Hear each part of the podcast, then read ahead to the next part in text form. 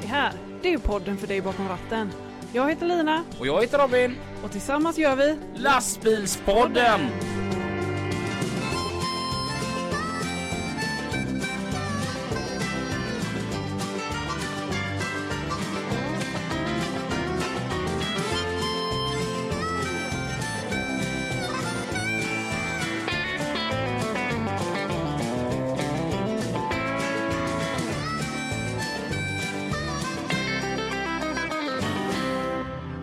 Jag var på väg att jag skulle ropa till dig. Skynda Lina! jag han. Ja, det var precis att vi hann och hämta ett glas vatten innan vi drog igång detta nya färska fina avsnitt utav Lastbilspodden. Tillsammans med Lina. Och Robin. Hej! Hej. Hur har du det? Ja men det är gött. Vad var det där? Berocka. Är du bakis? Nej, verkligen inte. Var Det är en eh, Berocka boost. Jag tänkte att jag skulle haft en liten boost så här inför avsnittet. Mm. Vad, har du haft en bra vecka eller? Ja men det tycker jag väl. Mm. Den har väl eh, varit eh, kanon. Mm. Ja, själv. Jo, det, har varit kanon. Ja. Vilken helg! Uh, ja, vad har du gjort i helgen? Jag har varit på Cars and Coffee nu på morgonen. Okej, är det ett nytt fik? Det var ehm, Alexander som var Purist. Mm. Han eh, drog igång att, eh, en bilträff sådär jättetidigt på morgonen. Mm. Så 07 till 09 i morse i Lerum. Så jag var svinpigg när eh, Mattias eh, kom hem till mig klockan 10 i sju i morse och hämtade mig. Ja, ljug inte nu Robin. Och så åkte vi upp dit och så träffades vi i en gäng bilar och så Ja. var mycket fint. Det var en jättefin gammal Amazon, en Porsche GT4 och Mattias grymma Dodge och lite andra bilar. Okej, vad går det ut på? Man träffas och dricker kaffe och eh, putsar på bilarna eller pratar om bilarna? Pratar om bilarna. Man pratar om bilarna. Mm. Ja, Nu fick jag en snap. Alltså jag fattar inte. Även om man sätter på stör ej så kommer det ändå så här grejer. ja. Och i alla fall Purist då. Mm. Vi har ju fortfarande vår rabattkod där. ja. 10% rabatt om Mm. man använder rabattkod. Lastbilspodden. Och så är det alltid fri frakt från Purist. Det är rätt bra. Det är bra. Mm. Mm. Ehm, vi har en fika idag som är sponsrad av Åsa 1 Skog och Marktjänst. Mm. Mm. Och vi, jag har, alltså det är så jävla mycket. Jag har löst med grejer så det. Åh, herregud. Ja, men jag är, Det är det du har gjort i veckan alltså? jag är om Löst mig och kring mig. Jag ringer och tjötar med folk. Är jag inte nöjd så tjötar jag på folk. Ja. Jag har ordnat en rabattkod Okej, Mm. vart då? på PG Export. Ah, Mm. Och, alltså, du, och PG Export va? De har ju ett riktigt brett sortiment av lyft och sörjning. Utrustning till lastbilskranar, produkter för asfalt, markentreprenad och stensättning, verktyg med mera. mm. De har ju allt. Mm. Och då har jag så här ordnat en rabattkod som heter lastbilspodden 21. okej. Och de, alltså, de, de kör ju nu då um, en drive här nu från den 10 fram till den 31 tionde Mm. oktober. Mm. Och så redan där då så har de dragit ner priserna och har riktigt konkurrenskraftiga priser. Mm. Och så har vi ordnat 10% på det. Oj. Lennart var nästan lite trött efter att jag hade tjötat på honom. så att lastbilspodden 21 på PG Export. Ja. Är det på en hem hemsidan eller eh, i butik? Både hemsida och butik. Och de ja. kommer även komma till den här maskinmässan som är ute i Säve nu snart också. Mm. Och då kan ni komma dit och så hälsar ni bara från oss. Mm. Mm. Kul. Eh, oh, ja, det är mycket här nu vi går igenom. Alltså. Ja. Eh, just det, vi får inte glömma av våra eh, älskade vänner som hjälper till att göra lastbilspodden. Ja. Vad var de hette nu igen?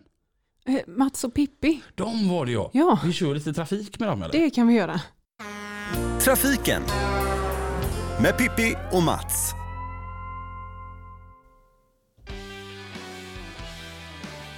Ja, vi ska försöka att hitta en eh, liten godare jingel, men vi har ju våran förjingel där också Ja, Mats. den är fin så du. Den är fin. Ja, ja, vi stänger. Vi börjar bli gamla Mats, så man undrar ju liksom, det ringer i huvudet när det bara dunkar igång så alltså. Ja, men det, man får ju gamla goa minnen till, tillbaka när man var på en konsert när man var yngre. Vet du, man kom hem och inte hörde på två dagar. För, för nu kan du inte headbanga så mycket va? Nej, det var för ena ischias i nacken, vet du. ja, det är bra.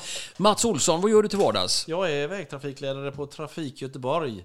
Och där tar vi emot information från allmänheten och polisen som vi producerar ut då på våra hemsidor. Mm, jättebra. Och jag kan ju bara säga det också, jag jobbar jobbar som trafikreporter i Göteborg på en eh, kanal som heter Mix Megapol och har ju fått lära känna dig Mats. Ja. Det är 15 år nu. Ja, inte klokt vad tiden går. Ja, det är helt otroligt. Och vi som har pratat om detta och så eh, bjuder Lina och Robin in oss till eh, lastbilspodden och då får vi en, en, en, en egen programpunkt här. Ja, det är helt otroligt. Det är, bara, det är så tacksamt att vi får sitta här och köta om det vi tycker är roligt, det vi brinner för och vi kan delge er andra också sånt. Så att ni får ett gott skratt hoppas vi. Ja, absolut. Och framförallt får vi härlig feedback ifrån er också som skickar in eh, lite frågor och lite synpunkter på trafiken. lastbilspodden.se. Och Mats, vet du vad?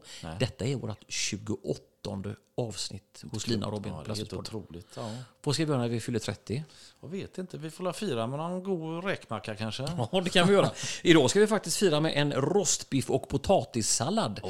och det är ju däckfirman Theo Pettersson som många av lastbilschaufförerna, i alla fall i västra Sverige, känner till. Och eh, de har även till vanliga bilar också naturligtvis. Och det blir en rostbiff och potatissallad. Som Mats, du, vi sitter ju i Göteborg idag också. Det är ju naturligtvis härligt att du kommer ner för en gångs skull till mig. Jag Ja, får alltid... ja, man får ju faktiskt variera sig lite tycker jag. Ja, det är bra. Och då sladdar du alltid vägen om. Vad är det du sladdar vägen om? Nordpolen i Vara vet du. Ja, så jävla Ja, gott. så jävla. Du Mats, imorgon är det så, stora delar av Sverige har ju eh, naturligtvis hållit på med det här lite innan, men den största delen av landet händer det grejer imorgon. Vad är det som händer den 8 oktober? Då börjar älgjakten. Åh herregud. Då måste jag bara dra en anekdot Mats. Den här är ju så Jajamän, väldigt skön att vara. Jag sålde ju skor för många, många år sedan och eh, var ute och reste med skor. Då skulle man träffa handlare. Uppe i Karlstad så finns det en eh, handlare som heter Bergqvist skor. Och då åkte man ju upp dagen innan så man var liksom förberedd. Och då gick jag på, bodde jag på Sandgrundet. Eh, Jag tror inte det finns kvar längre. Kanske. Ett hotell där. Kom jag in där och, så, och det är helt tomt. Och så sitter en, en äldre man lite längre bort med en öl. Jag tänkte, "Nej, jag kan ju inte sitta här själv liksom, och titta på mig själv. Utan då gick jag bort till honom. Hej, hej, då kan jag sätta mig ner. Och visst, välkommen. Så tog eh, en öl där och hade det hur mysigt som helst. Och, sen, du, och så berättade jag då min resa, att det var min första resa med skorna och alltihopa. Åh herregud, här har jag varit varje år. Exakt den här tiden. Jaha, vad spännande. Ja, vänta lite. Och helt plötsligt så öppnar sig himlen. För då kommer det så mycket kärringar in på den här sandgrunden här. Då var det liksom, då var ju jakten igång. Så det var ju inte en gubbe hemma. Så där har han varit i flera år och han bara skrek rätt ut va. Och var rutinerat. Så att, ja, det var helt otroligt. Vilken grej. Ja, vilken, vilken krutgubbe. Ja. Men vad är det som händer Mats nu i, i, på våra vägar? Vi har ju varit och känt på ämnet med viltolyckor och liknande. Nu stressar man ju upp de här djuren rejält här alltså. Ja, det gör man. Och det, då är det ju så att det blir rörelser i skogarna. Och vad ska älgarna ta vägen? Jo, de kliver ju upp på vägarna till slut. Och då finns det ju risk att vi kör på dem. Eh, Och det är ju så att eh, risken är ju som störst med viltolyckor. Är på, det är ju på vintern och, och våren. Skymning och gryning så att säga. Och, och eh, stressade älgar, det är inte roligt. Så att, eh, men jag vet ju att statistiken för just rådjur är ju 75 procent. Oj då. Ja, och så de andra är ju andra djur då. Och längre upp i landet då är det ju renar och järvar och alla möjliga sorters djur då. Och älg är väldigt vanligt då. Om man tänker efter hur många gånger har du inte sett en älg i diket eller i närheten. Så att, eh, men rådjur är det som är mest vanligast. Och vi har ju en statistik på det. Eh, det finns ju något som heter Nationella viltrådets eh, hemsida. Där kan man läsa en hel del av det. Och även trafikverket.se. Där kan du gå in och så titta på sökrutan så söker ni på se upp för vilt på vägarna. Och där kan ni se då per län då alla dessa viltolyckor som har varit. Det finns statistik på det och då kan man ju försöka tänka sig för när man kör där. Absolut. Jag tänkte bara på det här, se upp för vilt på vägarna. Den skylten skulle de ha hängt på sand, i Sandgrund där uppe i Karlstad. Se upp för vilt på dansgolvet. För det var antagligen lite galet där. Men en viktig aspekt också, Mats, är ju också då, eh, ni som kör tunga fordon och liknande ute i vårt land också.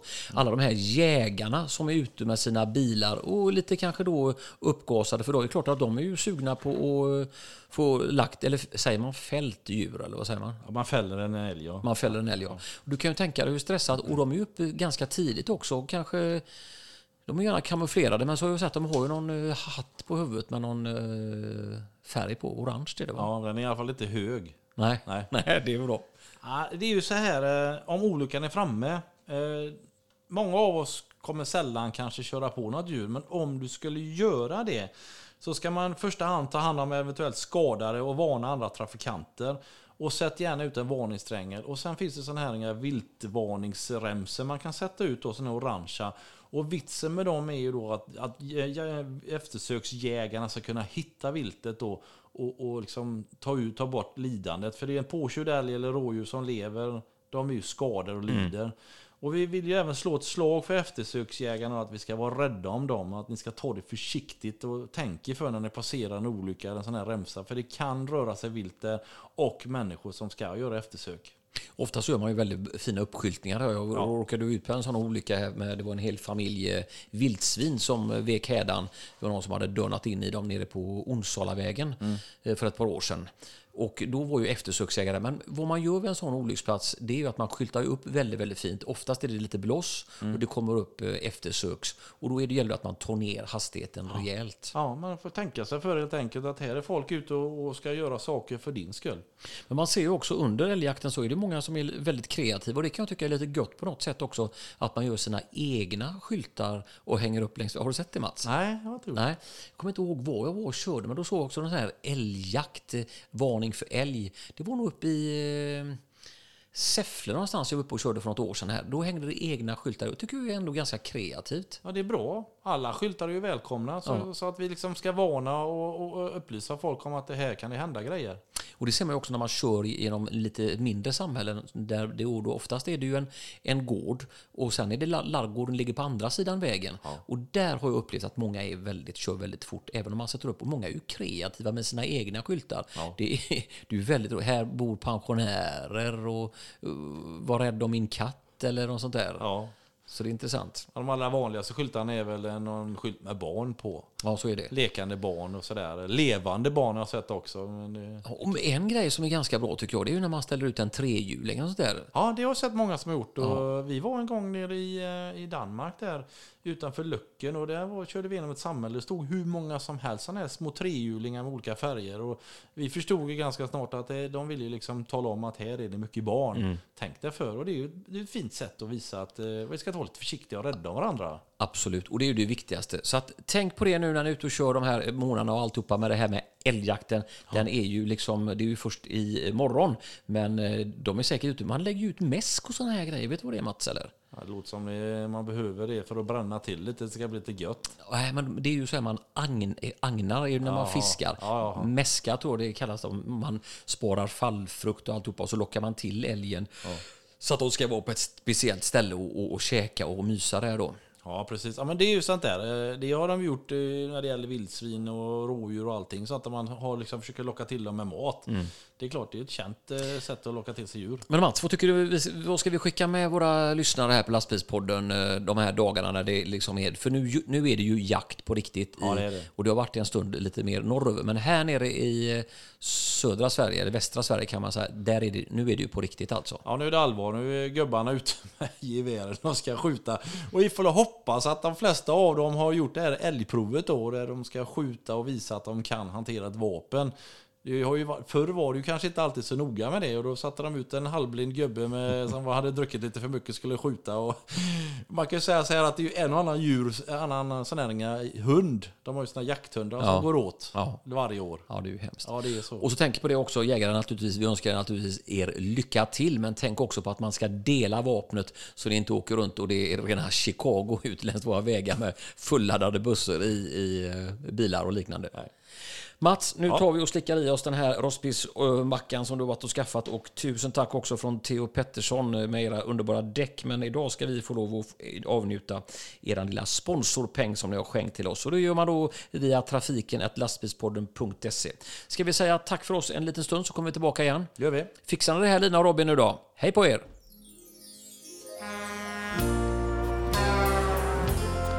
Tack för det Mats och Pippi. Någonting jag tycker är lite dumt. Mm. Det var som nu då va? Så de- spelar in sina avsnitt vid ett annat tillfälle. Och så läggs det in efteråt. Ja. Mm. Som när de säger dumma saker om mig. jag har ingen aning. Nej, Jag tänkte på det förra avsnittet, det blev så himla dumt. De satt här och gjorde sig jättelustiga över mig ena då. Ja, Och så, för förra avsnittet. ja, och, Ja. Och, och så sedan så uh, går jingeln och jag bara, tack för det. Ja, tack så mycket. Helt obrydd.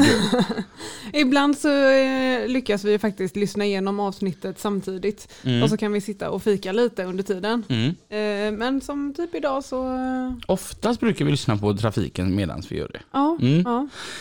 Eh, men jag har hotat eh, Pippi. Mm. Mm. Okej. Jag har sagt att snart gör jag samma med dig som vi gör med huggormar hemma på Hisingen. Och då frågar han, vad gör ni med huggormar? Vi tar en spade och så delar vi dem på mitten och slänger dem i älva. Robin, du vet att de är utrotningshotade? I vilket fall så gör jag snart så med Pippi i alla fall. Ja. Idag så har vi fint besök ända från Färgelanda. Vi säger varmt välkommen till. Eh, David Winberg Hermansson. Hej David! Hej. Välkommen till lastbilspodden. Jag ska, du ställde dig upp och jag sätter mig. Jag satte mig ner igen. Ja, det här får man göra lite som man vill. Ska vi, Vem är David? Eh, Ja, vem är jag? Eh, 34 år ifrån Färgelanda, driver ett litet åkeri. Ja, Mm. Mm. Vad, vad, vad, jag vet inte vad jag ska säga. vad, vad, vad är det för åkeri? Vad gör du på det här åkeriet? Ja, nu, som det är nu så är jag helt själv faktiskt. Eh, Jag köpte en kranbil förra året som Mm. jag kör själv. Jaha. Eh, Innan dess så hade jag eh, en tippbil, ett Norge-ekipage som gick för Rotab i Uddevalla. Mm. Och fram tills slutet på, nej vad blir det nu, början på september är det nu så hade jag även en dragbil eh, som var stationerad uppe i Örebro. Som Mm. också gick för Rotab i Uddevalla. Mm. Eh, men eh, lite hastigt och lustigt sådär så, eh, så blev det eh, försäljning av den nu. Mm. Så nu är jag själv igen. Och det är gött. Ja, alltså det var väldigt tråkigt att bli av med den här chauffören. Men eh, ja, det är klart att eh, det är gott att resa själv helt och hållet. Mm. Så, det. ja. Ehm, vi, vi gillar ju de här resorna så här. Alltså de här tidsresorna för alla som inte har varit med från all, allra första början. Så jag tänker vi börjar med David, sju år. Vad hände i huvudet på dig då?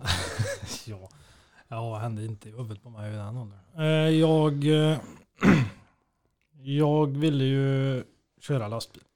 Det var Mm. det enda som stod i huvudet på mig på den tiden. Mm.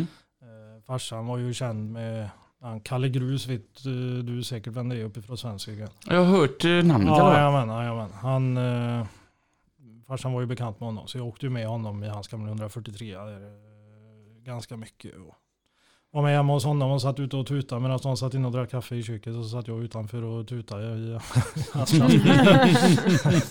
Störde grannarna lite. Nej men det var väl egentligen det som jag, som jag ville göra Mm. på den tiden. Mm. Eh, Och sen fyllde du 15. Ja då eh, var det, då hade jag nog inte så mycket planer tror jag.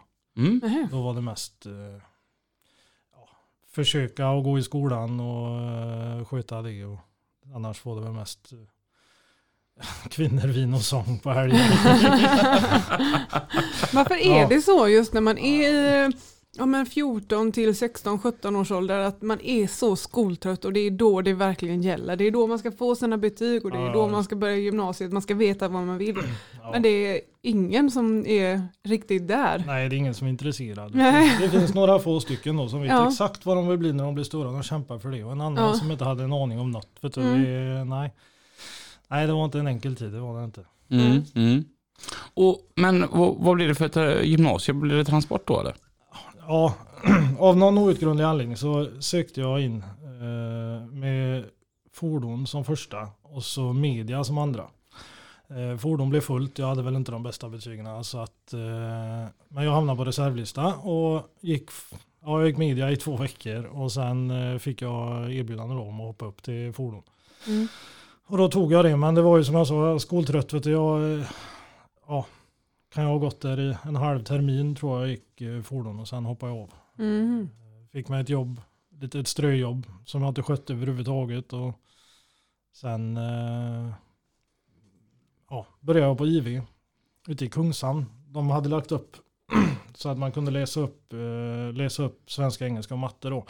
Mm. På samma gång som man hade någon praktik av något slag i den branschen man ville hamna i slutändan. Då, Mm. då tänkte jag det att då, då, då, tar jag, då tar jag ett år där. Och så hoppar jag, hoppar jag tillbaka på fordon efter då.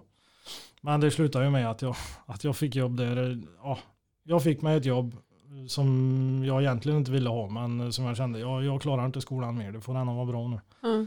Så att eh, då tog jag det jobbet och ja, efter det så ja, blir det ingen mer skola. Mm. Nej. Så att eh, jag har väl halvkassa betyg i nian och sen har jag inte mycket mer än så. Så då fick du aldrig tagit studenten då? Nej, jag var med det året eh, som min årskull då tog eh, studenten. Men jag var ju eh, tämligen utanför och hade ingen mössa på huvudet. Så att, eh, Mm. Ja. Mm. jag, jag var med i alla fall. Du, du var med på festen Ja, efteråt? lite så. Jag, jag var väl inte riktigt i skick som de kanske. Men, eh, ja. Mm. Så när du var där 19 och alla de andra hade tagit studenten, vad, vad gjorde du då? Det, det, nej, jag, gjorde, jag jobbade väl lite försiktigt. Alltså när jag var 19, 18-19 där, då hade jag lite ströjobb. Jag började, eh, jag jobbade för Lernia, mm, bemanningsföretag då i Uddevalla. Mm. Och blev runtskickad lite här och var. Eh, jag var bland annat på Pininfarina i Uddevalla och jag var på Finnviden i Trollhättan. Och lite sådär eh, och jobba eh, för en jättedålig lön. Ja, alltså, det, var, det var ju ett bra upplägg för den som var lat för att det kunde bli två veckors arbete och sen var det ledigt två veckor men du hade fortfarande full lön. Mm. Eh, oftast så blir det ju inte två veckor ledigt utan det blir ju fullt arbete hela tiden för samma lön då. Mm. Min övertidsersättning. Ja, det, var, ja, det, var inga, det var inget bra egentligen så. men där jobbade jag lite grann men sen blev jag av, eh, eh, blev av med det jobbet. Troligtvis för att jag inte kunde skjuta mig. Mm. Och då, då satt jag väl och tyckte synd om mig själv i min lägenhet där ett tag. Och, ja. Levde på krita uppe hos den lokala ölsmugglaren. Och, och ja, nej det var ingen vacker tid det var det inte. Men eh, sen då när, när jag träffade min fru då när, eh, när jag var 20, då, 2007 träffades vi. Mm. Och då blev det lite ändring. Eh, För då fick jag jobb igen, på Lernia igen då. Eh, lyckades jag tjata till mig. Eh, så att då började jag på, på, eh, på fabriken uppe i Tanum. IAC eh, låg, eller det var ju gamla Lear Corporation där uppe då. Fick jag en eh, bemanningstjänst där uppe då. Satt och kollade av. De hade haft eh, stora problem med, med, med dörrsidorna till Volvo.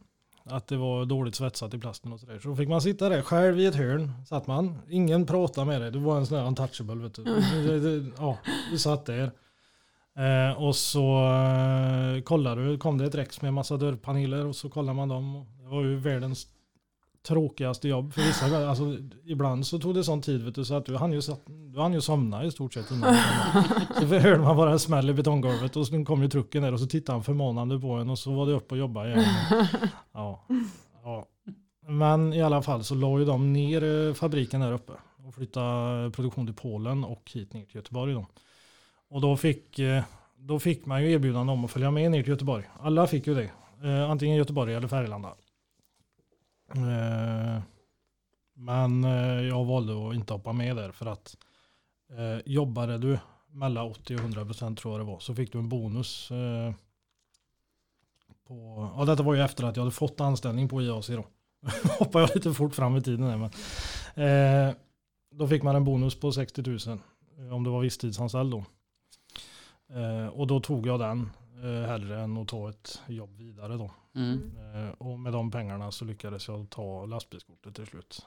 Okej. Jajamän. Mm. Hur gammal är du nu då? Då är jag ju 20. Mm. Jajamän. Eh, Så att eh, jag kanske har hoppat lite fort här men... Han är det. Nej. Eh, nej så så blir det. Och det var ju mest, det var lite löjligt också egentligen för att min fru gick ju transport. Eh, och hon fick ju lastbilskortet och fick ett jobb då eh, uppe i Vänersborg på Stadsbussbyrån där. Eh, och då blev jag sån här, fan jag vill ju också ta lastbilskort. Jag har ju Mm. velat det hela tiden. Ja. Ja, och då fick jag ju, då fick jag ju chansen till slut att göra det och då, eh, ja, då blev det så. Och så jobbade jag på samma ställe som henne i eh, ja, en och en halv som, ja, en sommar och så in på halva hösten där. Tills jag fick ett jobb här nere i Göteborg och köra lös trailer. Mm. Ja. Och sen dess har jag ju egentligen legat ute hela tiden då. Mm. Mm. Till hennes stora förtret. För det var det första hon sa när jag skaffade lastbilskortet. Att jag tänker inte vara ihop med någon som ligger ute. Bara så att du är med. Och du är lite trotsig av dig så Ja, gjorde du lite det. så, lite så. Jag tyckte väl det att uh, skit man väl i och så fortsatte man bara. Mm. Ja, Men jag tänker på det, du sa det så himla fint där att du levde på krita hos den Ja. lokala ölhandlaren. ja, Men sedan så när du då får en himla massa pengar över, då går du och tar ett lastbilskort. ja, det, ja. Det, alltså, det, det, kortet kostar ju inte så mycket på den tiden. Så att en del av de pengarna gick nog till. nej, men jag tänker, du måste ha mognat ganska mycket på kort tid tänker jag. Ja, fram, efter att jag träffade, träffade Lisa då. Mm. Så mognade jag ju. Det tog väl några år är klart. Men man kände ju liksom att hon har ett jobb. Och hon har det liksom Mm. ordnat för sig. Hon har gått klart skolan med bra betyg. Och hon har liksom. Ja. Hon, hon är en bra människa. Mm. Och då kan ju inte jag sitta här och vara en dålig människa. För då Mm. går det ju snart ganska fort att då, då får man ju inte behålla Mm. henne. Mm. Då hittar ju hon någon som är vettig och så... Nej, det, var många, det var många turer där i början mellan mig och henne, det var det ju. Men eh, vi lyckades så lösa att, eh, så att vi kunde, vi kunde vara kvar hos varandra. Mm. Mm. Och det var väl egentligen räddningen. Kan man säga när jag träffade henne. För annars så hade man nog, eh, ja, det hade, det hade inte blivit så bra. Nej, nej. Nej. Mm. Du såg det så himla fint när, du, när jag satt och skrev med dig. Att du hade någon kompis som hade sagt det att om han hade fått Ah. ja, du, du tar den själv, den var väldigt bra. Nej, jag var inne på gummiverkstaden uppe i Uddevalla, Bobbo där. Han, eh, han, han, var, han var ju granne med den här ölhandlaren. Eh, han såg mig springa där uppe lite grann. Och jag var inne hos honom för han grejar mycket med bilar och sådär. Så jag var ju inne och en fråga om jag kunde få hjälpa till och kanske tjäna några svarta pengar eller sådär då på den tiden. Mm. Men eh, så var jag inne då. Det var när jag hade köpt den andra bilen då, när jag hade köpt dragbilen. Så var jag inne och bytte däck på den och så sa han det att eh, fan. Hade någon berättat för mig för 15 år sedan att du skulle ha fru och barn och hus och driva ett åkeri med två bilar och anställda och grejer så hade jag inte slutat skratta idag vet du. Sen la han ju till det då givetvis att han tyckte det var väldigt roligt och sådär att det hade gått bra och, så ändå till slut. Men, men han sa det och jag tänkte vad fan. Nej, det kan ju inte ha haft några höga tankar om mig på den tiden. Men fick du då lite perspektiv till dig själv? Ja, lite så var det ju. Alltså, man, man tänker ju så hela tiden att hade, tänk om man hade använt hjärnan på den Mm. tiden och Ja. faktiskt, faktiskt gjort något av den utbildningen man hade framför sig och den tiden man ändå hade. Jag menar, har du varit i skolan i nio år, jag hade varit där i tio år för jag gick om sjuan. Mm. Hade, hade man bara tänkt efter lite. För att jag hade ju ändå ganska lätt i skolan. Jag, jag var ju inte, alltså jag behövde ju aldrig någon, någon hjälp med, med ämnena så. Mm. Jag behövde väl mest hjälp med att hålla mig i, i schack och i fokus. Jaha, bara där. Just, ja, nej, men matte och svenska och engelska och sånt där. Jag hade ganska lätt för det. Mm. Om man bara hade tagit vara på det och faktiskt brytt sig om att, att göra något av det. Mm. Så hade, det- då hade det ju varit mycket lättare. Mm. Mm. Jag menar som nu, fan, skulle jag söka ett jobb någon annan, alltså skulle jag, i lastbilsbranschen är det ganska enkelt för då är det ju, då är det ju ganska mycket på person. Mm. Det är ju sällan någon kommer och frågar, ja har du betygen ifrån, eller ifrån, ifrån eh, gymnasiet? Ja. Det, det, det kommer, det, ja. En gymnasial utbildning säger ju egentligen ingenting om en chaufför utan det är ju Mm. hur han är och hur han har skött Mm. sig på Ja. tidigare arbeten och sådär. Mm. Eh, men ska jag söka ett jobb, vad det än må vara, om jag ska bli transportledare till exempel, eller om jag skulle, eh, jag vet inte, jobba i det här huset eller någonting, alltså sitta och vända papper på ett kontor eller vad som helst, så det, jag hade ju aldrig fått ett sånt jobb. Mm. Det finns ju inte en chans, utan jag måste ju vara kvar. Mm. Är jag in- det är inte så, men man har ju ofta funderat på det, om man skulle göra något annat, vad skulle man göra då? Och då ser ju jag bara tio år i skolan framför mig igen. Mm. Och det, nej. Jag tänker, om du skulle göra någonting annat, skulle inte det... Har inte tanken lockat att se till så att ungdomar faktiskt eh, Jo, jo, jo. Går i skolan och sköter sig och inte går till den lokala ölhandlaren? Jo, jo, absolut så är det ju. Jag, eh, jag har ju haft en tanke att man kanske skulle starta upp någon förening eller någonting som, alltså, vi har, som i Färgelanda då till exempel. Vi har en fritidsgård och det är aldrig någon där. Mm. Och är någon där så är de alldeles för gamla. Eh, Mm. och för att hänga där då. Och man ser ju det, det är mycket driveri ute på centrum och sådär. Nu är det ju ett väldigt litet samhälle så att det, det är klart att alla känner ju alla och vet vilken den ungen är och man kan ju säga till ändå. Men det hade varit, det hade varit så roligt att kanske driva igenom någonting som, som de faktiskt hade haft lite glädje och nytta av. Mm. Att de Varför hade- är det ingen på fritidsgården då? Nej, det vet jag inte. Jag, jag ser den aldrig öppen längre en gång. Jag tror det har något med corona och detta att göra Ja, ja, nu ja. då. Mm. Eh, Men som innan då, det... Nej, nej jag vet inte. Det, det, hade, varit, det, hade, varit, det hade varit roligt att, att, att få till någonting. Men Mm. frågan är vad det är. Jag kan ju inget annat än att köra lastbil. Jag menar jag kan ju inte eh, dra igång en syjunta. Nej men alltså eh, spela golf eller hitta på något med några sporter och sånt där. Det har jag aldrig varit intresserad av. Utan jag, jag Mm. vet inte. Jag, jag gick ett kort tag. Eh, Det var faktiskt en väldigt eh, bra initiativ av Uddevalla kommun. Eh, Där hade jag eh, de hade en grupp med killar då som var gärna i, i farozonen för att kanske inte ta sig så långt i livet. Mm. Eh, hade de ett initiativ där vi byggde folkracebilar och körde med själva då. Mm. Eh, med, ja, vi hade Sten han, eh, han som var, var högsta hönset på den här, i den här gruppen. Och han, han styrde ju med järnhand. Alltså, kom du inte dit så var du inte välkommen tillbaka. Men det var så roligt att vara där. Mm. För det var ju folk av samma karaktär som jag själv då. Mm. Eh, Misskött, alltså hade misskött sig genom, genom ungdomen och eh, hade inga liksom, fasta punkter och inga direkta starka vänskapsband och sådär. Utan det, det, det var lösdrivare hela högen egentligen. Mm. Mm. Men när man kom dit så var det liksom att här är det regler, de här reglerna. Ska ni vara kvar här så får ni sköta dem, annars åker ni ut. Mm. Om man ville vara kvar där. Det, det hade varit så roligt att kunna driva igenom något sånt. Nu kan ju inte jag bygga en folkracebil idag. Det vet jag inte vad det hade blivit av. Men eh, något sånt hade kanske kunnat vara kul. Men tro, tror du inte att det är du själv som sätter dina egna begränsningar? Jag menar, trodde du att du skulle driva ett åkeri? Nej, nej, drömmen har ju alltid funnits där. Men eh, det var nog inte förrän, förrän jag fick hem papperna från Bolagsverket som jag faktiskt såg att det här var ju, det här kunde jag kunde man ju göra. det var visst inte så svårt i alla fall. Nej. Starta ett åkeri, det är värre med att driva vidare. Det, det, Ja. Jo, jo. Så är det. Och då, då tänker jag det att det kanske är samma med att bygga en folkracebil. Jo, absolut. jo, frågan är om det är jag som ska bygga den första då. Titta här vad jag har byggt. Vill ni vara med och leka? Liksom, det hade... nej, det hade nog inte blivit så bra. Det är ett väldigt stort problem det där med vad, vad ungdomar ska göra idag. Mm. Ja men det är det ju. Ja, det är det verkligen. För även om man hittar på något kul så är det oftast, eh, är det tillåtet så är det ändå inte kul för Mm. ungdomar. Nej, Man, ska, man vill ju göra sånt som inte är tillåtet. Ja. Ja. Mm.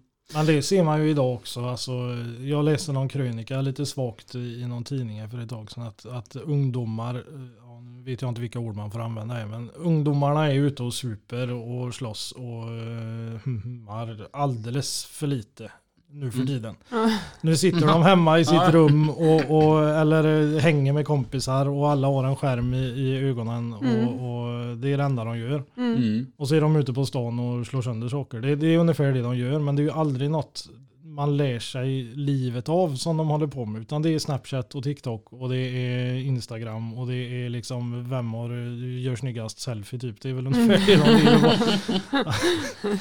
Det är för lite verkligheten. Ja men det är verkligen, det är väldigt lite verklighet i det. Mm. Mm. Jag menar, alltså, jag ska inte vara sån, men när den 90 eller alltså en, någon som är född 00 och efter kommer ut i arbetslivet. Mm. Det är ju inte helt enkelt att komma ut i verkligheten Mm. Mm. när man inte har sett verkligheten inifrån sitt rum. Liksom. Det Mm. är ju lite så. Mm. Du sa ju en väldigt smart grej där Lina. Mm. Eh, så Jag påpekade vad Zoe, vad smart hon är för att vara fem. Ja. Och annat, vad dagens femåringar är så himla mycket smartare än vad vi är. Jag menar, som hon sitter där och kollar på YouTube och kan liksom säga tack på ryska. Liksom. När, jag, när jag var fem då hade jag jord i munnen. Liksom. Ja. Men så sa du att ja, fast å andra sidan kan hon inte cykla. Nej precis. Det är ju andra grejer som hon inte kan. Mm. Hon är ju inte ute och leker särskilt mycket. Hon är inte jätteintresserad av att gå ut. Och hon försöker få henne att cykla men det är inte, ja det är roligt men bara en stund eller när man väl är där. Det är inte så roligt att väl komma ut. Nej, det märker jag hemma också. Alltså man får ju nästan jaga ut dem med käppen för att de ska komma ur soffan eller Ja. komma ifrån tvn. Det är, Ja. Och sen när man väl har fått ut dem så är det svårt att få in dem. ja, ja, ja. Ja. Ja, ja, det är ju helt omöjligt. Ja, Ja. Men föräldrar är ju det värsta som finns i hela världen. Ja, men kolla bara, de tjötar och tjötar och tjötar på att man ska gå och lägga sig. Sen när man väl sover, nej då tjötar de för att man ska gå upp igen. ja. Hur fan ska de ha det föräldrarna? ja, du låter som min dotter Isabelle. Jag ska! Det vore ett jäkla kött på dig idag igen. Ja. Ja men vi finner varandra ofta jag och Isabelle. Ja. Jag brukar säga så här, Isabelle, mm, ska jag bli arg? Okej då, säger hon. Så går hon. Det räcker med att hota med att bli arg. Man behöver inte bli arg. Ja men det är samma med mig Lina. Ja, Mm. Det räcker att du hotar mig. ja. Det är bra grejer det där med hot. Alltså vad kommer efter tre? Ja, precis. Det är ingen som vet. Inget barn i hela världen vet vad som händer efter när man har kommit till tre. Nej. Men alla är livrädda för att man kommer till tre när man börjar räkna. Ja, Ja, jag vet inte vad ni har för unga, men mina är precis tvärtom. De sitter och väntar på att man ska säga dem och se vad som faktiskt kommer efter. ja. Men den gjorde jag ju ofta på Isabelle när hon växte upp. Men med Zoe har jag ju liksom aldrig gjort den. Jag testade någon gång när hon blev lite äldre. Jag har räknat till tre, ett, två. Och så bara, tre? Okej. Nej, det var lite, vi hotade med bullarkärringar. ja, ja visst. Går du inte och lägger dig nu så kommer bullarkärringen och ta dig. Ja, men, ja, okej. Ja. Bullarkärringen Ja, hade jag. Hon kan ha fått ta mig. Ja, kärringar ifrån Bullarn. Ja, Så okej. det- Ja. ja. Sen kom vi på det att vi kan ju inte, vi kan inte skrämma dem innan de går och lägger sig. För då kan man ju liksom inte sova sen på grund av att bullarkärringar kanske står utanför fönstret. Nej. Farsan körde den på mig några gånger. Ehm, Där jag kommer ifrån var lite känt för det fanns en, eh, han var trött på sin kärring så han, han dödade henne och så virade han in henne i taggtråd. och slängde henne i åa. Ja. Och, och pappa... Det var en välkänd berättelse hos alla i byn eller? Ja, nej, alltså det är en sån här Sverige, det, det är en hemsk grej. Ja, ja, ja. jag har aldrig hört den. Ja, i alla fall, och så, så pappa sa ju det vid något tillfälle att han passade för taggtrådsmördaren. Jag var helt livrädd när pappa var görnöjd. Måste cykla hem innan det blir mörkt. Tänk om du möter taggtrådsmördaren och vi kan fast honom. Ja, Man ska inte skrämma barn alltså, det är inte bra. nej. Mm. Så vi kan ju gå och lägga sig i frimån om hon får om jag hotar med dig. Eller om du hotar med dig. Jag hotar ju sällan med dig. Va? Men som när du säger att du ska sova i hennes säng. Men alltså Då blir hur, det fart på henne. hur underbart var inte detta för på helger sedan? Tog jag ens upp detta i podden? Ja, jag tror det. Att du gjorde det. Hon hade problem med vilken säng ska Robin sova i? Jag hade ju lastbilen på utsidan. Ska du sova i Isabells säng? Jag ska sova i din säng. Isabelle kan sova i min säng så kan du sova i Isabells säng. Nej men jag ska sova i din säng. Jag kan sova i mamma och pappas säng. Nej, säger Lina då. "Nej, Du ska ju sova i din säng. Mm. Ja, ja men går du och lägger dig så kommer jag sen. Det bästa var ju när Tim väckte henne på morgonen. Det var ju första hon frågade. Vart sov Robin? Stackars barn. Etsade för livet. Ja. Ja. Jag ska börja använda den då när det är dags att borsta tänderna. Annars kommer Robin och lägger sig i din säng. Uh-oh. Nej, de ska associera mig med någonting bra. Sist jag pratade med henne så sa hon faktiskt att hon saknade mig. Ja, Mm. det gjorde hon faktiskt. Hon vågar ju inte säga annat för då kanske Robin kommer och lägger sig. Ja, precis. Det hade varit kul, jag och Zoe i samma säng och se vem som lyckas snarka högst. Jag har aldrig varit med om en femåring som kan snarka så. Nej, hon är hemsk. Som en riktig kär. Ja. När det är tyst så blir man orolig. Mm. Shit, jag måste gå in och kolla om hon lever. Där ligger jag nästan i lä. Ja, nästan. Alltså du hade barn du också? Jajamän, tre stycken. Ja. Tre? Tre? Jajamän. Oj. Du, du hade ingen tv hemma? Nej, jo. Nej, vi flyttade faktiskt ner eh, tvn i källaren nu för att eh, slippa ha den på övervåningen så vi faktiskt kunde sitta och prata där. Men det är aldrig någon som sitter uppe på övervåningen. Alla Nej. sitter i källaren ändå. Ja. Hur gamla är de barnen? Eh, frågor du ställer. Fem, ni, nej, 5, 8 och eh, 13. Är de. Oj, Ja, ja. ja. Jajamän. Mm. Då, då kan du ändå ge lite perspektiv på tonåring och småbarn liksom. Ja, När är det lättast? nej. Nej. Din 13-åring, är det en pojke eller flicka? Nej, det är en tjej. Det är en tjej. Jajamän. Ja, du börjar känna att det kommer nu den här... eh, Ja, nu, nu är jag, blir jag straffad för min, min ungdomssynd. Och du Nej. är bara så pinsam. Ja, nej, men hon är, hon är väldigt lätt att ha att göra med faktiskt. Ja. Eh, I alla fall hemma hos oss. Vi, eh, hon bor hos oss varannan helg då. Ja. Jag har henne sedan tidigare. Ja, Eh, Men hon, jag tycker hon är väldigt lätt att ha att göra med.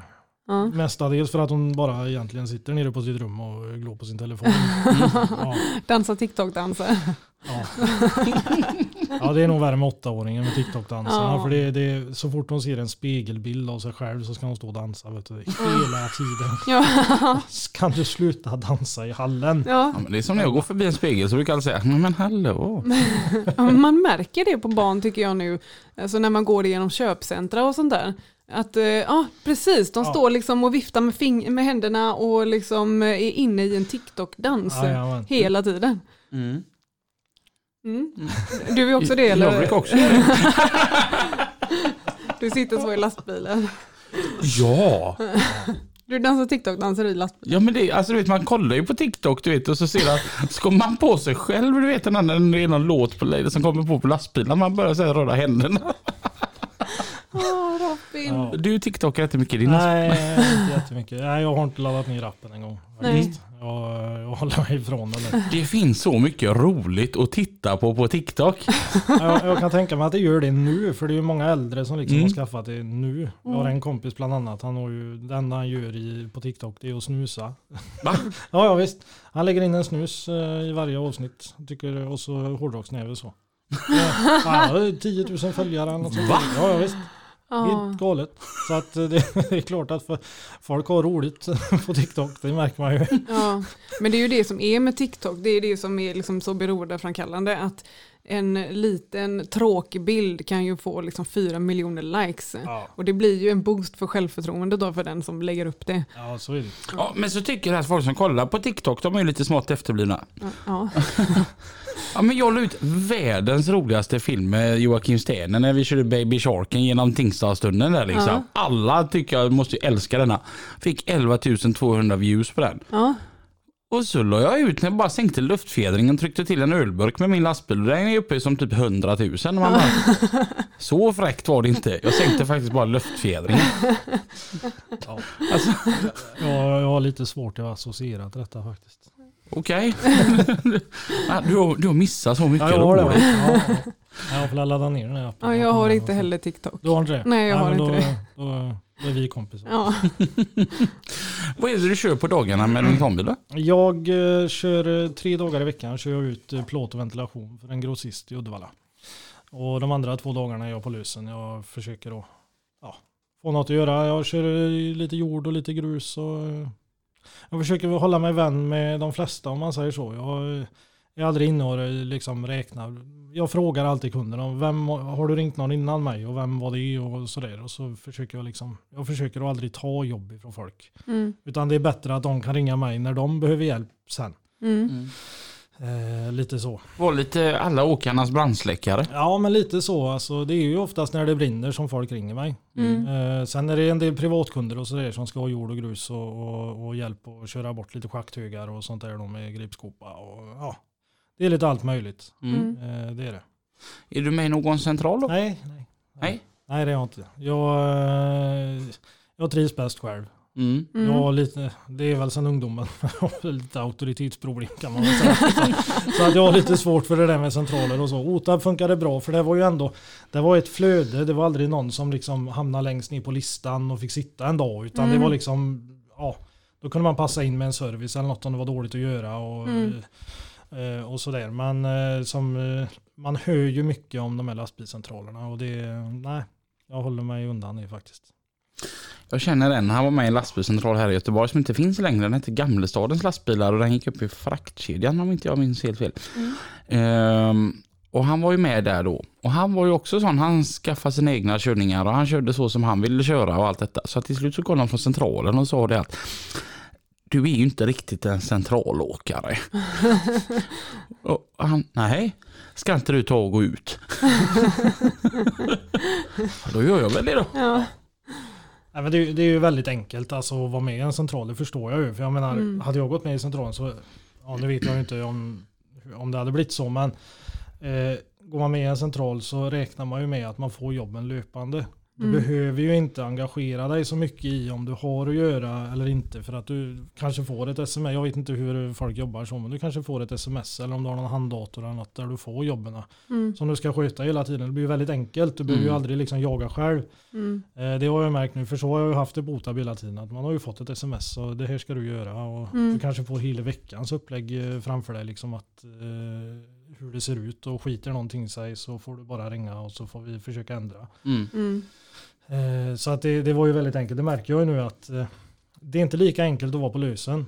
Mm. Jag hade ju aldrig köpt en krok och kranbil i Uddevalla om det inte hade varit att, eh, att jag hade haft de här tre dagarna fast på avtal då. Det märker man ju liksom nu sommaren eller försommaren, våren och försommaren och nu i början på hösten då har det ju varit, det har varit sjukt mycket att göra för mig. Mm. Men nu börjar det ju mattas av lite. För nu Mm. kan ju de flesta åkarna lösas själva när det går ner lite. Det är inte lika Mm. mycket trall och virke som ska ut och det är inte lika många som påtar i jorden och, och sådär utan då kan de oftast lösa det själva och då sitter jag där inne på mitt kontor och väntar på att telefon ska ringa lite grann. Då kan du ringa till Lina i två månader till, en Ja, månad till. Precis. Ja. Ja, Mm. Ja.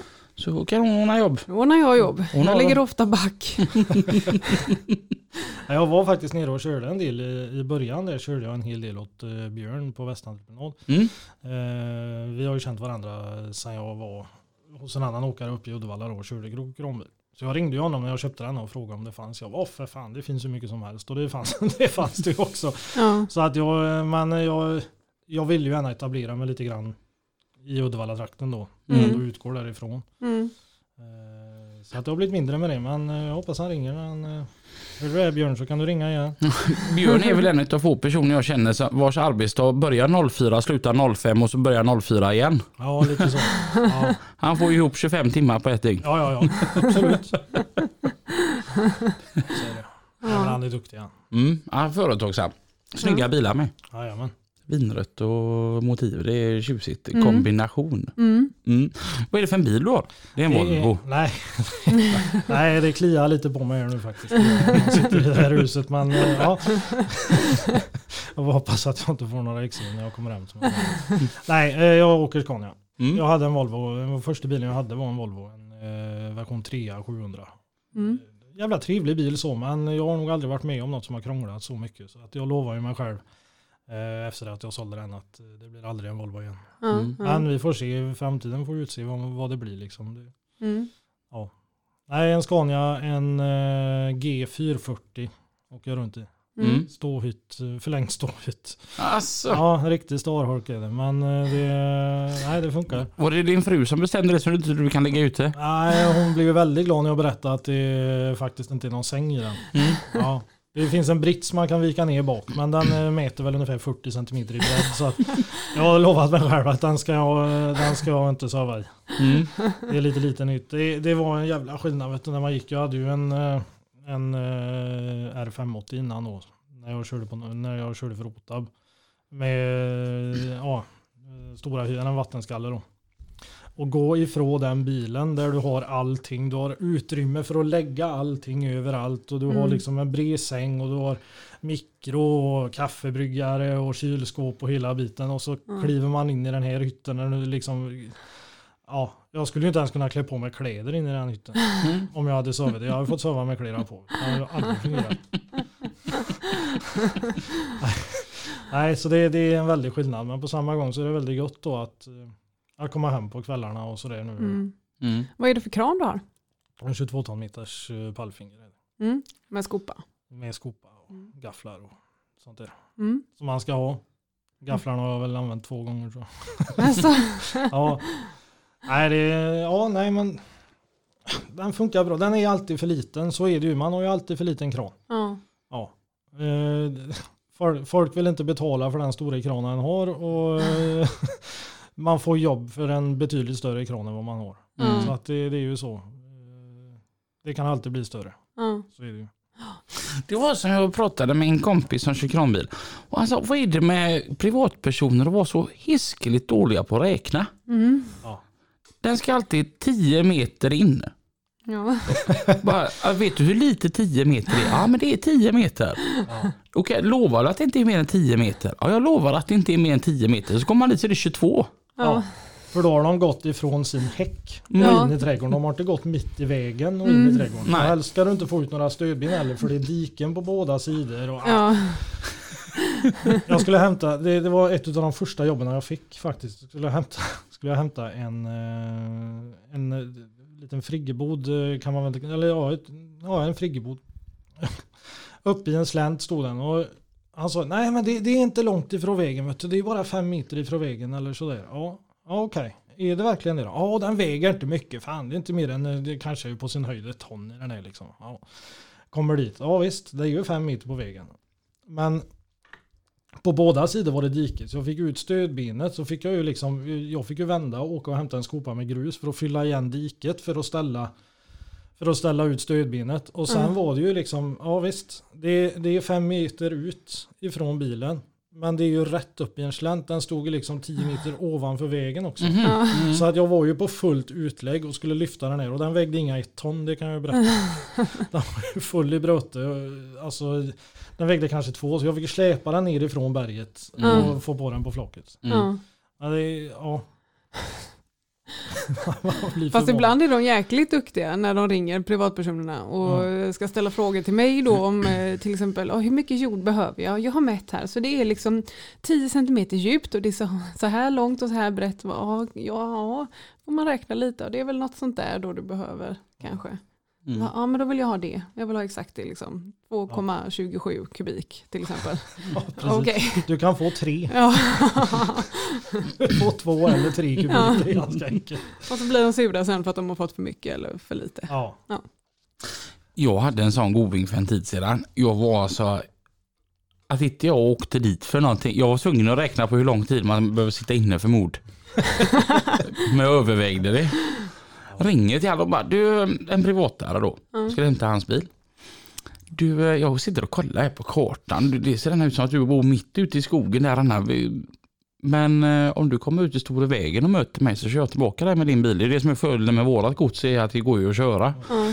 Nej, nej, du kommer in hela vägen här. Alltså jag kollar på kollar ju gärna på kartan och det ser inte ut som att jag gör det gärna. Jo, jo, jo, inga konstigheter alls. Och så tänkte jag att om jag överdriver så har jag marginalerna på min sida. Så jag sa att du vet de här allra största långtradarna du möter ute på motorvägen, de här som det står DHL och Henker och allt vad de heter. Det är en sån som kommer. Ja, ja, inga konstigheter alls här. Och han var så himla säker på sin sak. Ja. Sopbilen kommer ju in där. Ja, det sa han sen. Ja. Jag tänkte att jag svänger la in då, då, för han var så himla och det blev smalare och smalare och smalare. Och det var jobbigt med bara bilen och jag hade ju vagnen hängande där bakom också. Ja. Och så när jag kommer, denna, jag bara alltså allvarligt talat. Fattar du inte? Här här går ju fan inga stora, det går inte att komma in här med så här stora fordon. Du, sopbilen är varje vecka, han har inga problem. Så du får lära styr- vända, snurra på ratten lite bättre då. Ja, det är klassikern. Yes. ja, det är helt underbart. Ja. Det var en, får jag höra ofta när jag ringer ut och frågar liksom, kommer man in där med lastbil? Ja, ja, sopbilen är här hela tiden. Ja, Okej, ja. vad är det för storlek på den då? Inget ont mot sopbilar men Nej, de är bra och smidiga. Kommer in överallt. det är inte en biltransport. Nej. Ja, det har jag faktiskt en ganska bra historia om eh, att det är trångt på ställen. jag var, det var en sommar jag körde för en åkare uppe i Uddevalla. Han hade en nosbil, en Scania. Och så hade jag en trailer bak på den, en vanlig 1360 trailer. Och så hade jag en 18 meters flaggstång på den trailern. Mm. Så jag hade ju ett ganska långt utstick bak. Och den skulle av sist. Den här. Ja, det var en sommar jag körde ut eh, för eh, jag hade hur mycket flaggstänger som helst. Så kom vi ner till Eksjö, ut till en gård där. Och så lyfte vi av, han skulle ha en eh, typ 12 meters, eh, skulle han ha i trädgården där. Och så frågade han, ja nu ser du ju det här ekipaget. Kan jag vända någonstans här eller ska jag backa ut? För det var inte så långt att backa, det var inte mer än kanske 500-600 meter eller någonting. Mm. Ja, ja visst, nej men nej nej, det, vi, vad heter det, timmerbilarna har kört in där och det är en stor vändplats där inne. Det är ingenting du behöver oroa dig för. Det är mina marker så jag vet för jag har lagt till den så att den skulle bli så stor som möjligt. Ja visst. Eh, vad långt in är den då? Nej men det är någon en och en halv kilometer eller någonting in där i skogen. Så kan du vända där. Ja visst. Eh, det var ju sista gången jag litade på en privatperson. jag kom ju in med det här ekipaget då. Och så kom jag in till den här. Då hade han glömt att berätta för mig att de hade ju lagt upp 50 kubik med grus mitt på den här plan. Så jag kunde ju inte komma runt den. Nej. Och då var det en stickväg ner. Det var som ett Y här. Vänster, då kom du till eh, grusplan. Eller den här vändplan då. Den var jättestor och fin. Jag hade kommit runt där hur fint som helst om det inte var för den där jättegrushögen som låg där som han Mm. glömt bort och berätta för mig då. Ja. Så att jag, jag tänkte det ska jag backa två kilometer med det här. När jag inte ser den här flaggstången som är längst bak. Eh, och sätta den i något träd eller något hus eller någonting. Det hade ju inte varit så jätteroligt. Nej, så fick jag y-backa med det här ekipaget och vägen var ju trång som bara den. Vet du. Ja. Backa ner i en allé så är det, som var bre, lika bred som lastbilen. Med den här flaggstången stickandes ut och försöka att inte sätta den i något träd. Och så med hans nosbil då som jag hade kört i ja, en halv vecka. Så jag hade ju inte riktigt lärt mig hur, den, eller hur stor den var framför. Ja, innan jag kom ut därifrån. Då var det också lite sådär man funderade på innan man ringde honom om man kunde ta tiden i fängelse. Eller, ja. Ja, han fick ju komma ut och hjälpa mig. Ja just det, den där hö... Ja visst fan, han kom hit förra veckan. Ja. Ja, men tack så jättemycket. Men det kändes väl bra sen när du väl hade lyckats? Ja, när jag väl hade kommit ut därifrån så lovade jag mig själv att aldrig lita på en, på en sån gubbe igen. Alltså. Och det är därför jag tänker att om jag liksom ändå överdriver när man kommer ut Mm. för att vara på min sida, då kan väl kunden underdriva Mm. istället? Ja. Ja. Nej, det kanske är bäst att du backar i alla fall. Ja. ja. Mm. Och många gånger hade det bara blivit bättre då. Ja. För någonstans är det så att de flesta gånger man varit ute på villovägar, det är ju liksom när det är en privatare som... Mm. Privatpersoner ska inte få lov att köpa transporter. Ja, eller så underdriver de. Ja, att det ska, ja, det ska skopas över en häck. Bara, Men når Ja. verkligen eh, kranbilen det? jajamän. Ja, det är inga problem. Det når våra minsta kranbilar. Men är du säker på det? Det är jättelångt. Nej, det är typ 5-6 meter bara. Ja, ja, ja. Mm. Ja, eh, herregud. Ni lyssnar på lastbilspodden. Med Lina och Robin. Kommer du fortsätta med att bara köra en bil och, eller har du en eh, dröm om att eh, om tio år så döper de åkeri till Färgelanda AB? Nej, nej, fan nej. Eh, Det, får vara litet. Jag har sagt det, två, kanske på sin höjd tre bilar eh, i framtiden. Men som det är nu så fortsätter jag nog själv ett, ett tag. Mm. Det är ju en gammal bil, alltså det är ju, den är ju sedan 2012. Så Mm. att eh, det är väl dags att byta ut den ganska snart om den ska kunna fortsätta. Den får ju vara lite eh, sådär att den kan gå in i miljözoner och så. Mm. Eh, ibland får man ju körningar dit och då eh, får man ju snällt tacka nej bara. Det är ju Mm. inte svårare än så. Mm. Och eh, då är det så passande att Lina kommer att börja som försäljare på Volvo lastvagnar. Ja, precis. Så det är bara att ringa. Ja, vi håller kontakt. Du ska få kompispris. Ja, ja, ja. Ett pris som hon är kompis med. Ja, ja. nej, nej, det handlar egentligen om eh, det är verkstaden som har sålt bilen till mig. Mm. Så är det. För tvåvägs i Uddevalla är... Ja, jag, jag kunde inte varit mer nöjd med verkstaden än vad jag är med dem faktiskt. Mm. Mm. Jag har lite reklam här, det var inte meningen så. Men eh, nej, det är egentligen de som har sålt bilen till mig. För att eh, Återigen som vi var inne på förra avsnittet att det är bara säljaren som säljaren säljer bara den första bilen. Ja. Resten Ja. är verkstad. så är det. Mm. Så är det absolut. Eh, jag köpte ju första Scanian utav Johan där uppe. Och, och, eh, ja, jag kommer ju aldrig att köpa något annat. Mm. Jag kommer ju aldrig åka till någon annan verkstad heller. Det är, Ja visst, byter de ut all personal så kanske det inte finns någon vettig människa kvar. Men, Mm. men eh, det, det är precis som du säger. Mm. Ska vi köra lite mer trafik? Det kan vi göra. Klockan är ju mycket nu vet du. Mm. Trafiken med Pippi och Mats. Hejsan, detta var Mats och Pippi. Hej. Du, tack för det Mats, och, eller Lina och Robin. Vi är så egenupptagna i oss själva här. Det är ju så att vi är Ja, vi slår ju ett väldigt slag och vi får ju väldigt mycket frågor också eh, från er lyssnare på trafiken lastbilspodden.se. Nu läser jag till här och då är det, står det så här. Tjena Pippi och Mats. Vi var några som kom in i en diskussion och kunde inte komma fram till vad som gäller. Det vi diskuterade var angående vem som har väjningsplikt eller ej. Om man kör exempelvis på E6 mot Kungälv så är det ju bussfil som vid varje avfart och på och, eh, på och avfart som upphör. Vem är det som har väjningsplikt? Den som ska svänga av motorvägen in på avfarten eller den buss eftersom bussfilen upphör innan avfarten. Känns som att det vore galet att den som kör på motorvägen ska behöva vara den som ska väja. De flesta av oss sa att man försöker använda sig av vävning. Men vem har förtur? Under, undrar då Anders Snowman Ekmark. Det var en jättebra fråga. Ja. Men jag har fått lära mig eh, sen jag körde bil, körkort och jag, tog även busskort och, och läst de här boken ett par gånger. Att den som bryter körfältet har väjningsplikt oavsett om du bryter höger eller vänster. Alltså att du byter körfält. Den som gör det ska ju, har ju väjningsplikt. Du ska ju titta i den döda vinkeln. Och med handen på hjärtat, hur många människor vrider tillräckligt på huvudet för att se över axeln? För att speglarna är inte alltid tillförlitliga.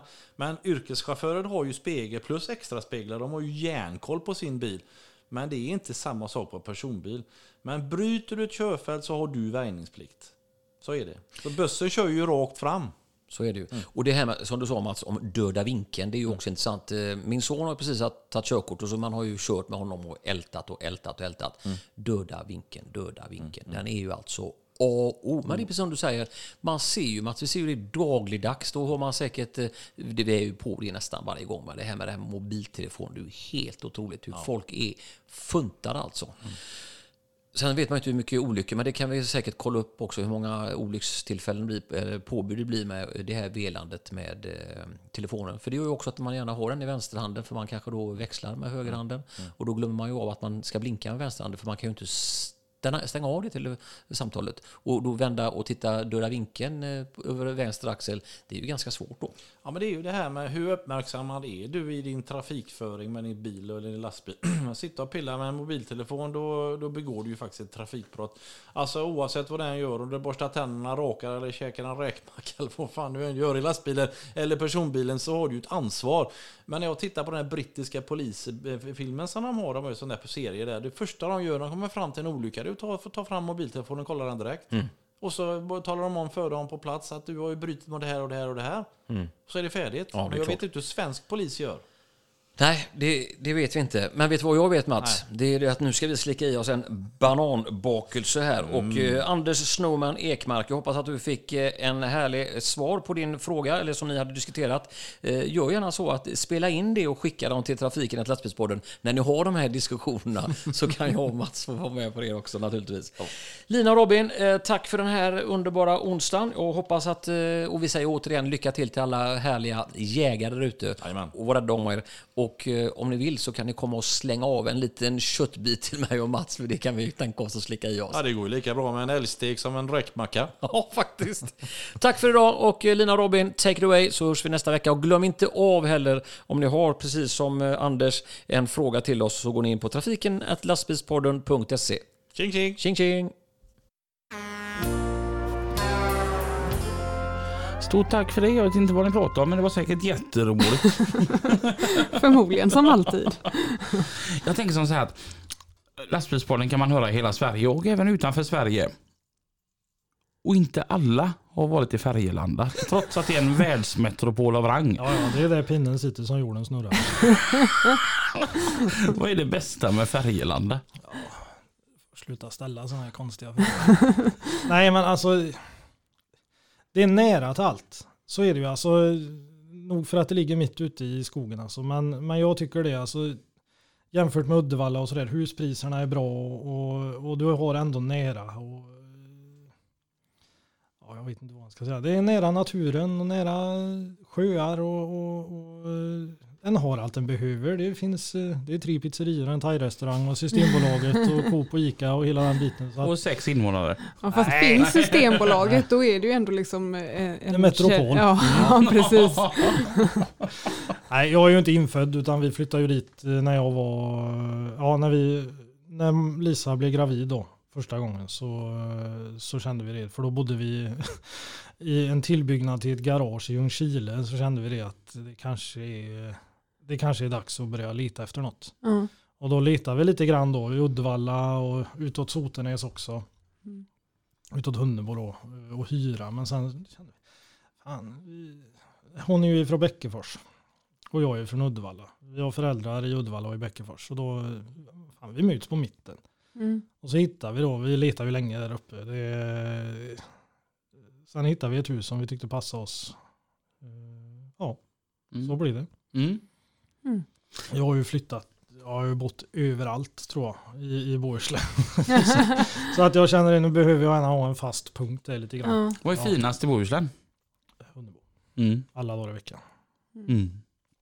Här ligger även min pappa Mm. och har sin sista vila och Alltså. njuter utav Mm. det. Mm. Det är något speciellt med Hunnebo Ja men det, det, det är så litet men det finns så mycket vet du. Mm. Alltså det, kommer du ut i skärgården runt Hunnebo så det, det är så vackert. Nej. Och så det lilla kustsamhället. Vet du. Nej, nej jag, jag älskar Hunnebo. Jag kommer alltid att göra det. Men jag kommer nog aldrig ha råd att bo där. Mm. Mm. Ja, det kan jag tänka. Där är det, det kostar det nog gött med pengar. Ja, Hunnebo är inte värst egentligen. Men eh, alltså, tittar du Smögen, Kungshamn och sådär. Så, eller Fjällbacka och, Ja. och bort åt andra hållet då. Det är, det är sådana sjuka huspriser där ute. Så att, Mm. Jag får ju lite tanken att Hunnebo är lite mer förskonat av alla turister på sommaren. ja, jo det är det väl. Eh, nu är ju jag turist där nu för tiden egentligen. Jag ska se det så. så att jag, men, Ja, men men, Du låter ju nästan som dem i alla fall. Nej. nej, det är en salig blandning av dialekter där. nej, men, nej, men Hunnebo är- har alltid stått mig varmt om hjärtat. Det är klart att jag halva uppväxten där ute. Så att, Jag tänkte det, nu, nu när du är 34 då. Om du hade fått träffa dig själv när du var 15 och, och bråkig och uh, skoltrött. Vad hade du sagt till dig själv då? ja, jag har nog inte sagt så mycket. Jag har nog klappat till mig själv. nej, men jag hade alltså... Man kunde ju inte säga någonting. Alla Nej. sa ju något hela tiden. Ja, att, fan, skärp till dig nu, du har världens chans här. Ta den. Mm. Ja, och då var det ju liksom, då pekade man ju bara finger och tyckte det att eh, skit i vad jag gör. Mm. Det var ju alltid så. Mm. på den tiden. Man brydde sig inte om vad någon sa och farsan, alltså jag tycker så synd om honom. Ärligt talat, hur han, vad han fick stå ut med när jag, när jag var i, i min ungdom. Alltså det, han är ju född, han är ju gammal, vet du, han är ju född 44. Du vet att eh, under hans uppväxt, hade man betett sig som jag gjorde så hade man ju hamnat i, på, på internat med en gång. Vet du. Mm. Ja. Ja. Men om du hade gått ut, säg att du hade gått ut eh, med skolan med bra betyg. Mm. Vad tror du han- du hade varit idag? Jag hade varit uh, där jag är idag. Mm. Men på Så en i- betydligt lättare väg. Ja, Ja. Men, men så att egentligen kan man ju säga att du hade varit densamma fast du har mer livserfarenhet nu. Ja, det har jag ju. Du kanske uppskattar saker lite mera. Och Ja, är en så är bättre det. manlig förebild. Ja, jo. En, kan ju, en kan ju hoppas det i alla fall. Mm. Eh, Så är det ju. För jag tänker att vi har ju ändå väldigt mycket ungdomar som lyssnar på oss. Ja. Och som kanske tycker det är för jävla tråkigt med skola. ja men det är det ju i den åldern. Men det är ju tråkigt med skolan. Det är ju tråkigt med allting i den åldern. Ja. Mm. Är, man vill upptäcka nya saker och det får man inte. Och, och Ja. kommer du hem full liksom så eh, det är ju inte ofta man... eh, ja, Man är är både all- gammal och ung ja, samtidigt. det är ju liksom. så. Det är, det är Ja. precis i mitten där vet du. 15-16 bast vet du. Det, Ja. Nej, det är inte grant. Jag, eh, nej, det är inte det minsta roligt. Så att eh, om man är lite skoltrött, då skärp till dig. Ja, men lite så. Ja. Alltså, Det lönar sig i längden. ja, det gör det ju. Alla kan ju inte ha den turen att man jobbar på en fabrik uppe i Tanum och får en bonus på 60 000. Liksom. Det, det, var ju, det var ju det. Det var ju det som räddade mig. Mm. Eller ja, min fru framför allt för att henne när jag träffade henne då var jag ju nästan som värst. Då var jag ju 18-19 där. eh, Nej 20 var jag då. Eh, Men jag umgicks ju i fel sällskap. Eller hur den ska, hur den ska säga. Men hade, hade jag i början, hon fick ju aldrig följa med. Alltså jag sa det, du, du får inte följa med eh, när jag ska ut liksom. Vi, du får hitta på något annat. Du får vara med dina tjejkompisar och så är vi på varsitt håll. Det var ju så nästan varje helg. Mm. Eh, För jag ville ju inte att hon skulle se vem jag egentligen var. För då, Mm. hade, ju, då hade hon ju inte stannat kvar. Mm. Det är ju så. Men eh, sen fick jag ju liksom bara, jag fick ju skärpt till mig. Mm. Det är ju Mm. så. Du måste ändå känna att har lyckats som fan. Ja, jo men det har jag ju. Alltså det... Ja, Jag tänker förutsättning och, skryta. resu- Ja, jo, jo. men förutsättning och resultat. Det är klart som fan du får skryta. Jag tycker du är väl en riktig klapp på axeln. Mm. Ja, nu blev jag nästan lite röd i ansiktet. Sluta. Nej, men jag hade ju, alltså ska man se det så, så hade jag ju förutsättningarna. Min pappa är ju, alltså han har ju, han är ju ordnings, alltså han är en levande kalkylator. Han har jobbat civil, som civilekonom och, och liksom, jag hade ju alla förutsättningar. Det var bara det att jag fullständigt skit i dem. Mm. Det var ju så det var. Ja. Jag gjorde revolt redan när jag var 13 liksom och tänkte det att nej nu jag skiter i alltihop. Mm. Mm. Det gick ju inte att ha med mig att göra. När jag gick i, i sjuan eh, så var det ju jag fick ju aldrig vara kvar i klassrummen liksom. Mm. Det var ju alltid något och till slut så fick jag inte ens vara kvar i skolan på den skolan jag gick på utan de skickade ut mig på någon praktik där. Eh, och så eh, eh, glömde de då inom citationstecken att, att eh, skriva på papperna med den här verkstaden. Så jag gick ju där i ett halvår på lösen. Det var ju ingen som... Ju- han kom ju fram till mig då, Benny heter han, eh, underbar gubbe. Han kom ju fram till mig där efter ett halvår och sa det att fan ni kanske ska ta lite kontakt med skolan för att de har inte varit det. Vi skulle ju skriva på en massa papper och grejer. De har inte varit det. de lämnade ju kvar mig det liksom och tyckte det att eh, Ja, sen bytte jag ju skola. Jag flyttade när jag var, jag måste ha varit 14 då. Så flyttade jag faktiskt till min syster. Det var, jag, fick, jag fick det lagt framför mig att antingen så får du flytta och, och försöka starta något nytt någon annanstans och komma ur det här eh, umgänget och, och sådär. Mm. Eller så får du börja på den här specialskolan för att det går inte, det funkar inte där. Och farsan han var ju helt förstörd. vet du. Han tyckte ju att han hade misslyckats med min uppväxt och Mm. eller att uppfostra mig. Men det var ju som jag har sagt till han nu på senare år. Alltså, du, det hade inte hjälpt vad du hade gjort. Mm. Mm. Det, det är ju så. Nej, så jag flyttade till min syster och fick gått i skolan. För det, det var en väldigt bra skola där. Eh, Hammarsundsskolan. Eh, för då, det, det var liksom, man skolkar inte. Du är Mm. på lektionerna Mm. och du sköter din skolgång. Liksom. Det, det är inte något annat. Det, på den tiden var det så i alla fall att det är inte accepterat. Jag försökte ju spela tufft där vet du. Kom det jävla platådojor och trasiga jeans och tyckte att jag var eh, hur cool som helst. Men det, det var liksom inte accepterat för fem öre. Nej. Vad fan, det var ingen annan som skolkade. Vad fan skulle jag göra? Gå själv på centrum där då och, och tycka att jag var skithäftig. Så till slut så eh, gick man ju liksom på lektionerna och till slut fick jag ju betygen i nian då. Ja. Sen var väl inte, jag väl ingen mönsterelev ändå kanske. Men, men eh, under den tiden som jag bodde hos min syster så, så eh, skötte jag mig väldigt bra. Ja. Eh, sen, eh, hon höll ju hårt i mig, alltså riktigt hårt i mig. Mm. Det var ju ingenting, jag fick ju inte ut att göra, eller alltså, fick och fick, men eh, man gjorde liksom inga dumheter. Mm. Inte på den, ja, visst man körde moppen när man var 14 kanske, eller, Mm. eller körde trimmat eller sådär. Men det var ju aldrig något bus och dumheter på den tiden. På den.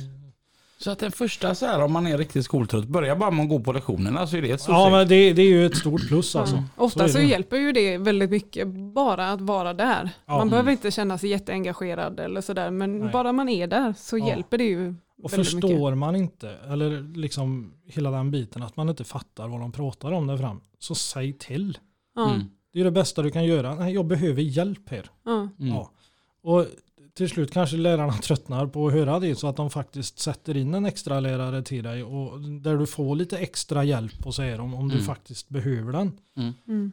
Sen hjälper det givetvis inte att säga att du behöver hjälp om du, om du bara är skoltrött men ändå förstår vad de säger. Mm. Mm. Så är det ju. Men eh, ja, Jag tycker ändå det är en jäkla solskenshistoria. När vi går i detta höstmörker. Mm. nu är det ju inte så Ja, i- just idag är det gött väder men jag Ja. tänker att det är de sista goda dagarna nu. Ja, Ja. det känns så. Eh, Jag tycker det fan är grymt jobbat. Ja, Mm. tack. Jag hade klappat mig själv på axeln varje dag. Nej, jag, men jag och min fru att tacka. Så är Mm. det. Mm. Hade inte hon dragit ur mig ur det här dåliga umgänget så vet jag inte vad jag hade varit idag faktiskt. Mm. Mm.